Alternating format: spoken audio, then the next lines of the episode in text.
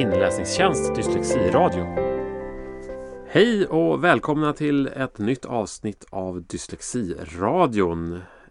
Jag som pratar idag heter som vanligt Jakob Skogholm och VD på Inläsningstjänst.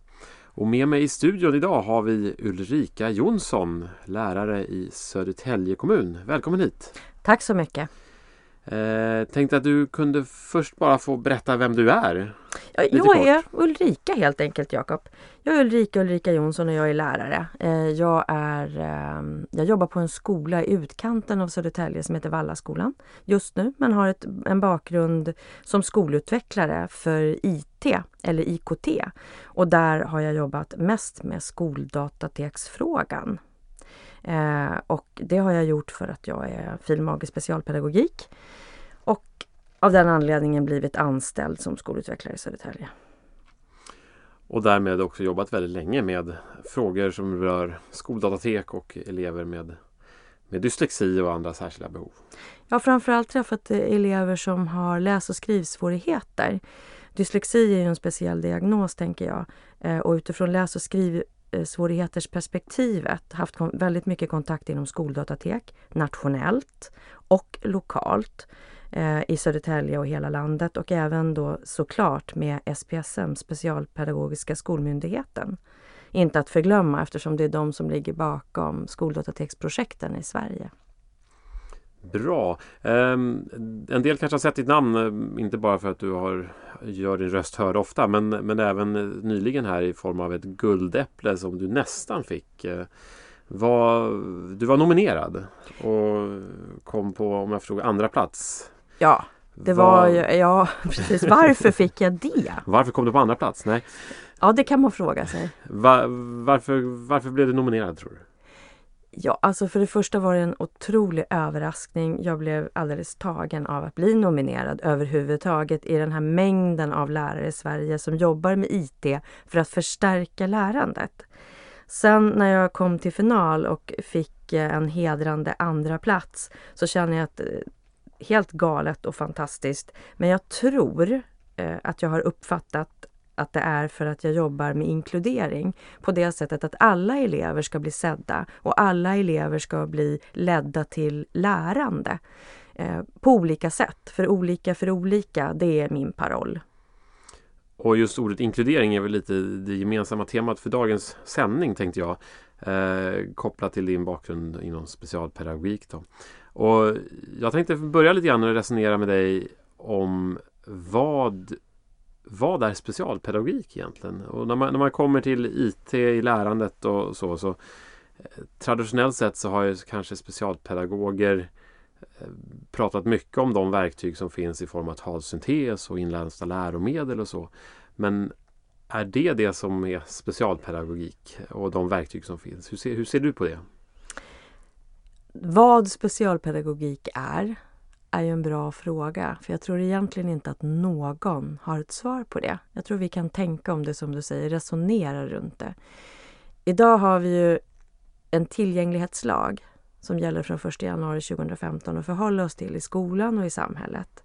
Och det handlar om att man ska vara medtagen i ett sammanhang. Och i skolan handlar det om att bli inkluderad, alltså medtagen i ett lärande sammanhang utifrån de förutsättningar du har.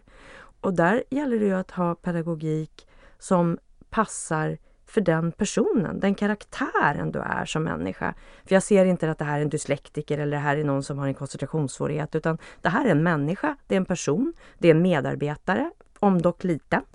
Eh, som har en speciell karaktär. Och här måste vi göra en lärsituation som faktiskt gynnar dig som person så att du kan ta höjd i ditt lärande. Och där kan ju talsyntesprogram vara ett sätt att göra det på. Men lika väl skulle det kunna vara att jobba med Minecraft i undervisningen i exempelvis geometri eller skalövningar. Så det här med vad specialpedagogik det är, en sån där hårfin linje att balansera på. Jag vet inte om jag provocerar när jag säger det, men någonstans så känner jag att vi måste nog fundera på var ska specialpedagogiken leva om inte i klassrummet närmast de små medarbetarna, eleverna.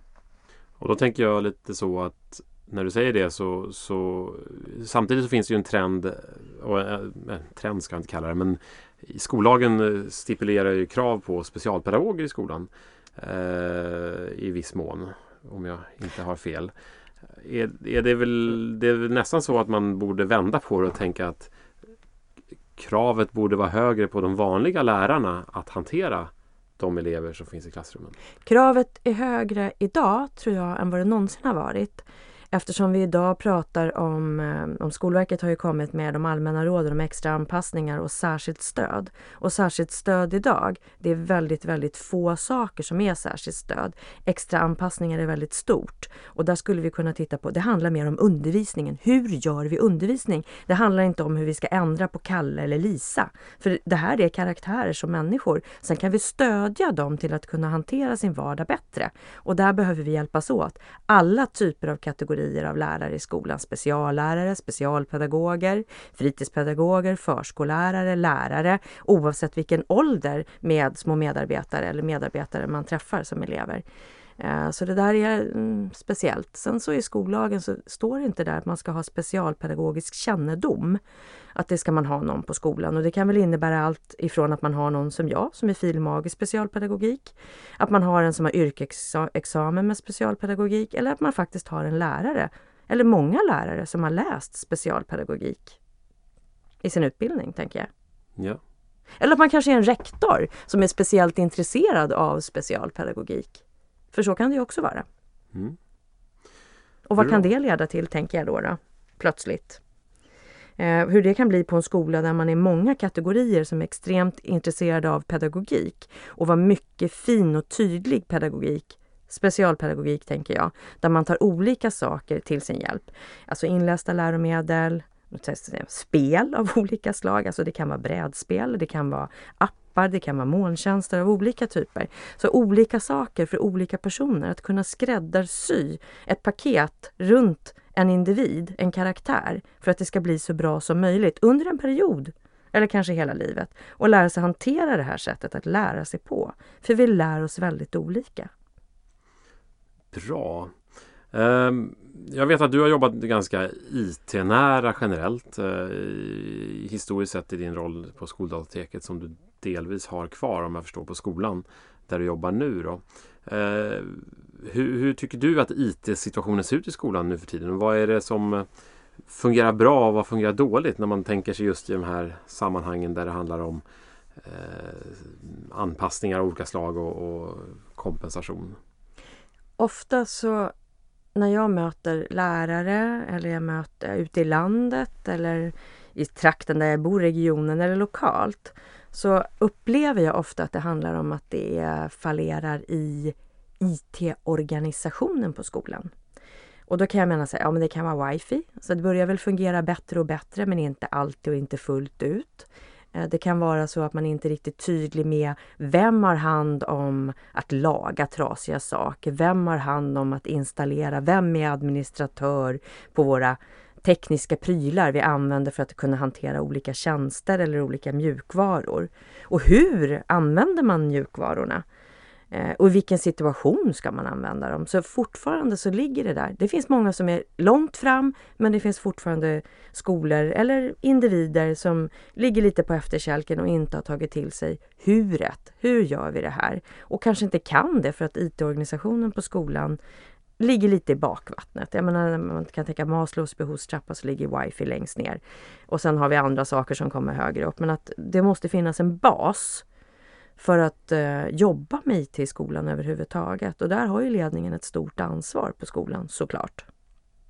Och, och då är du egentligen inne på att om basen saknas så kommer aldrig själva om man kallar det tjänsten eller programmet eller appen fungera i praktiken? Nej, den kommer ju inte till sin rätt. Om man inte kommer på andra lösningar och kan gå runt systemet och använda sitt eget wifi som man har med sig i fickan i form av sin telefon och koppla ihop grejer med. För ungar löser saker.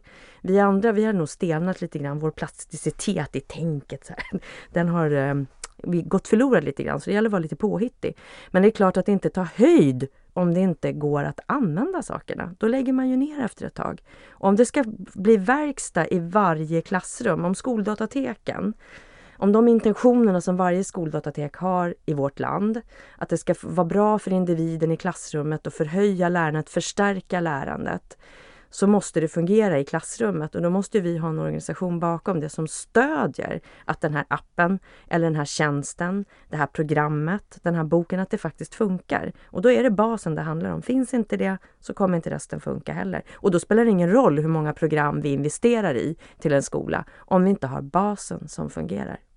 Har du själv någon teori om, eh, du har säkert sett många olika skolor och olika kommuner, vad, vad är nyckeln till att få det att fungera? Nu kommer vi nästan in på IT-management-frågor här, men vad är det en organisatorisk fråga om man liksom har ett decentraliserat eller centraliserat ansvar? Eh, outsourcad lösning eller inte? Vad, vad, det vågar jag nästan inte ge mig in på för det är egentligen inte mitt område. Jag är ju lärare. Man kan ju alltid gissa och spekulera i. Och där kan man väl fundera på vad har man i en kommun Eh, för stöd uppifrån? Hur ser det ut? Vad har vi beslutat? Vad har vi rullat ut för typ av lösningar till våra enheter, i det här fallet skolenheter? Eh, om det är wifi vi rullar ut så måste ju det se ut på ett speciellt sätt. Men sen i andra änden när vi kommer ut i skolan, då är det fortfarande rektor som har ansvaret för att tillhandahålla det som ska finnas för att under, eh, undervisningen ska fungera på skolan. Lärare är en sak, möbler är en annan. Sen kan det vara ett wifi och det kan vara tjänster som, eller program eller böcker, vad vi nu vill välja för någonting. Så det måste ju fungera hela vägen. Sen vad man har för typ av IT-support det kan ju se olika ut i olika kommuner så det vill inte jag ge mig in på att spekulera i riktigt. Bra. Eh, när vi ändå pratar om IT då, så nu pratar du om de här nedersta nivån i Maslows behovspyramid. Eh, om man går upp ett steg när man ändå pratar om tjänster. Eh, en, en uppfattning jag får ofta när jag är ute och pratar om att, att folk eh, det, det, det lärarna suktar efter är ofta liksom mer information, mer utbildning om hur man faktiskt använder verktygen eller ja, kalla verktyg, kalla tjänster, program, appar. Uh, är det där, håller du med mig om att det, där, där finns också en pusselbit som saknas? Uh, eller är det liksom någonting som kanske håller på att lösa sig med tiden? Jag tänker så här att man behöver förstå i vilket sammanhang någonting ska befinna sig. Ett program till exempel, ett stödprogram. I det här sammanhanget så kan vi använda det här. Och självklart behöver man kunna lite grann om hur tekniken fungerar. Men någonstans är det så att det är väl en tröskel för en del att ta sig över. Men eleverna, de små medarbetarna, kan så fruktansvärt mycket. Jag brukar säga att jag lär mig mer av de elever jag träffar med att hantera tekniken och programvaror. För de är mycket mer nyfikna i fingrarna än vad jag är eller andra vuxna runt omkring mig. Så man lär sig väldigt mycket av barnen. Så vågar man hoppa, vågar man ta steget ut och säga men vi installerar och vi börjar utan att göra det så krångligt för sig, så lär man sig efterhand. Det är inte så att vi ska kanske träna, tänker jag, som vuxna i ett halvår för att kunna någonting generellt. Sen om vi ska bli pika, att vi verkligen ska vara superduktiga på just någonting speciellt för att kunna lära ut till andra lärare eller visa upp i andra sammanhang? Ja, kanske. Men eleverna de blir snabbt duktiga på att göra. Och där kan man ju tänka sig att de elever som har extra anpassningar kanske behöver träna mer än andra generellt i en klass för att kunna hantera ett verktyg, ett eh, webbprogram, en app eh, eller en teknisk apparat för att kunna komma till att få det fungera i sitt lärande och förstå hur de ska använda det i sitt lärande. Så där kan det ju finnas en, en eh, idé. Men jag tror inte att alla behöver veta precis vilka knappar man ska trycka på för jag tror att en hel del, jag vet att en hel del löser sig. Bara man får göra tillsammans, för det där tillsammans är jätteviktigt. En blir inte bra, men tillsammans blir vi bra. Bra. Eh, avslutningsvis vill jag bara koppla an lite grann till den först, en sak du sa i början. Du nämnde Mindcraft. Det är ju poppis bland ungarna. Men eh, du sa att det, du såg det som ett specialpedagogiskt verktyg. Eh, vad, vad gör ni med den i skolan? Jag gör ju inte personligen då, då, i det här fallet utan jag kan lyfta vad några lärare gör i, på mellanstadiet hos oss och några i årskurs 3.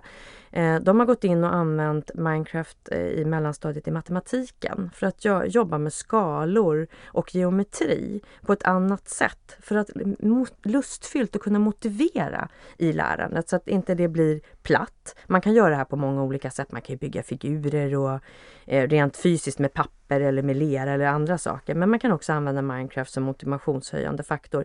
I en del klasser så har vi ju elever som är jättehaja på själva spelet men som kanske inte har tänkt så mycket på att det faktiskt är väldigt mycket matematik i det här. Och då kan vi lyfta in det på det sättet. Och det kan jag säga, det kan vara specialpedagogik för mig. Men det ska också bli en effekt på lärandet. Vi måste kunna mäta att det höjer motivationen, att vi får med elever i ett lärande sammanhang som kanske inte var delaktiga tidigare. I en, eh, mellan, eh, en trea, en årskurs trea så vet jag att några lärare på vår skola har jobbat med att bygga stenåldersbyar i Minecraft. Kanske inte skalenligt, men man har fått väldigt mycket språkande i det hela. Samtalet, vad är det för material vi använder? Hur gör vi det här? Hur bygger vi? Färg, form, det är väldigt mycket ord Eh, i det samtalet som man kan bygga och där man kan få med fler elever genom att lägga någonting man gör utanför sig själv. Det är inte jag personligen som står här och berättar om den här stenåldersbyn utan jag kan visa i det här Minecraft-bygget vad jag har gjort och vi kan prata om det. Alltså ligger det utanför mig och ingen behöver kanske titta direkt på mig. Och det tycker jag också är en fin form av pedagogik. Kanske är det specialpedagogik. Bra, med det sagt tänker jag vi avslutar dagens sändning. Tackar för att du kom hit. Kul att ha dig här. Tack för att jag fick komma. Och tacka alla lyssnare som är oss trogna. Eh, som vanligt, nu har vi en, en gäst här som är väldigt aktiv på Facebook. Så att i det här fallet så går det jättebra att ställa frågor, funderingar och så vidare på, i vår Facebookgrupp. Och jag är säker på att Ulrika snabb, svarar snabbare än ni ställer frågorna. Så välkomna dit och välkomna nästa gång.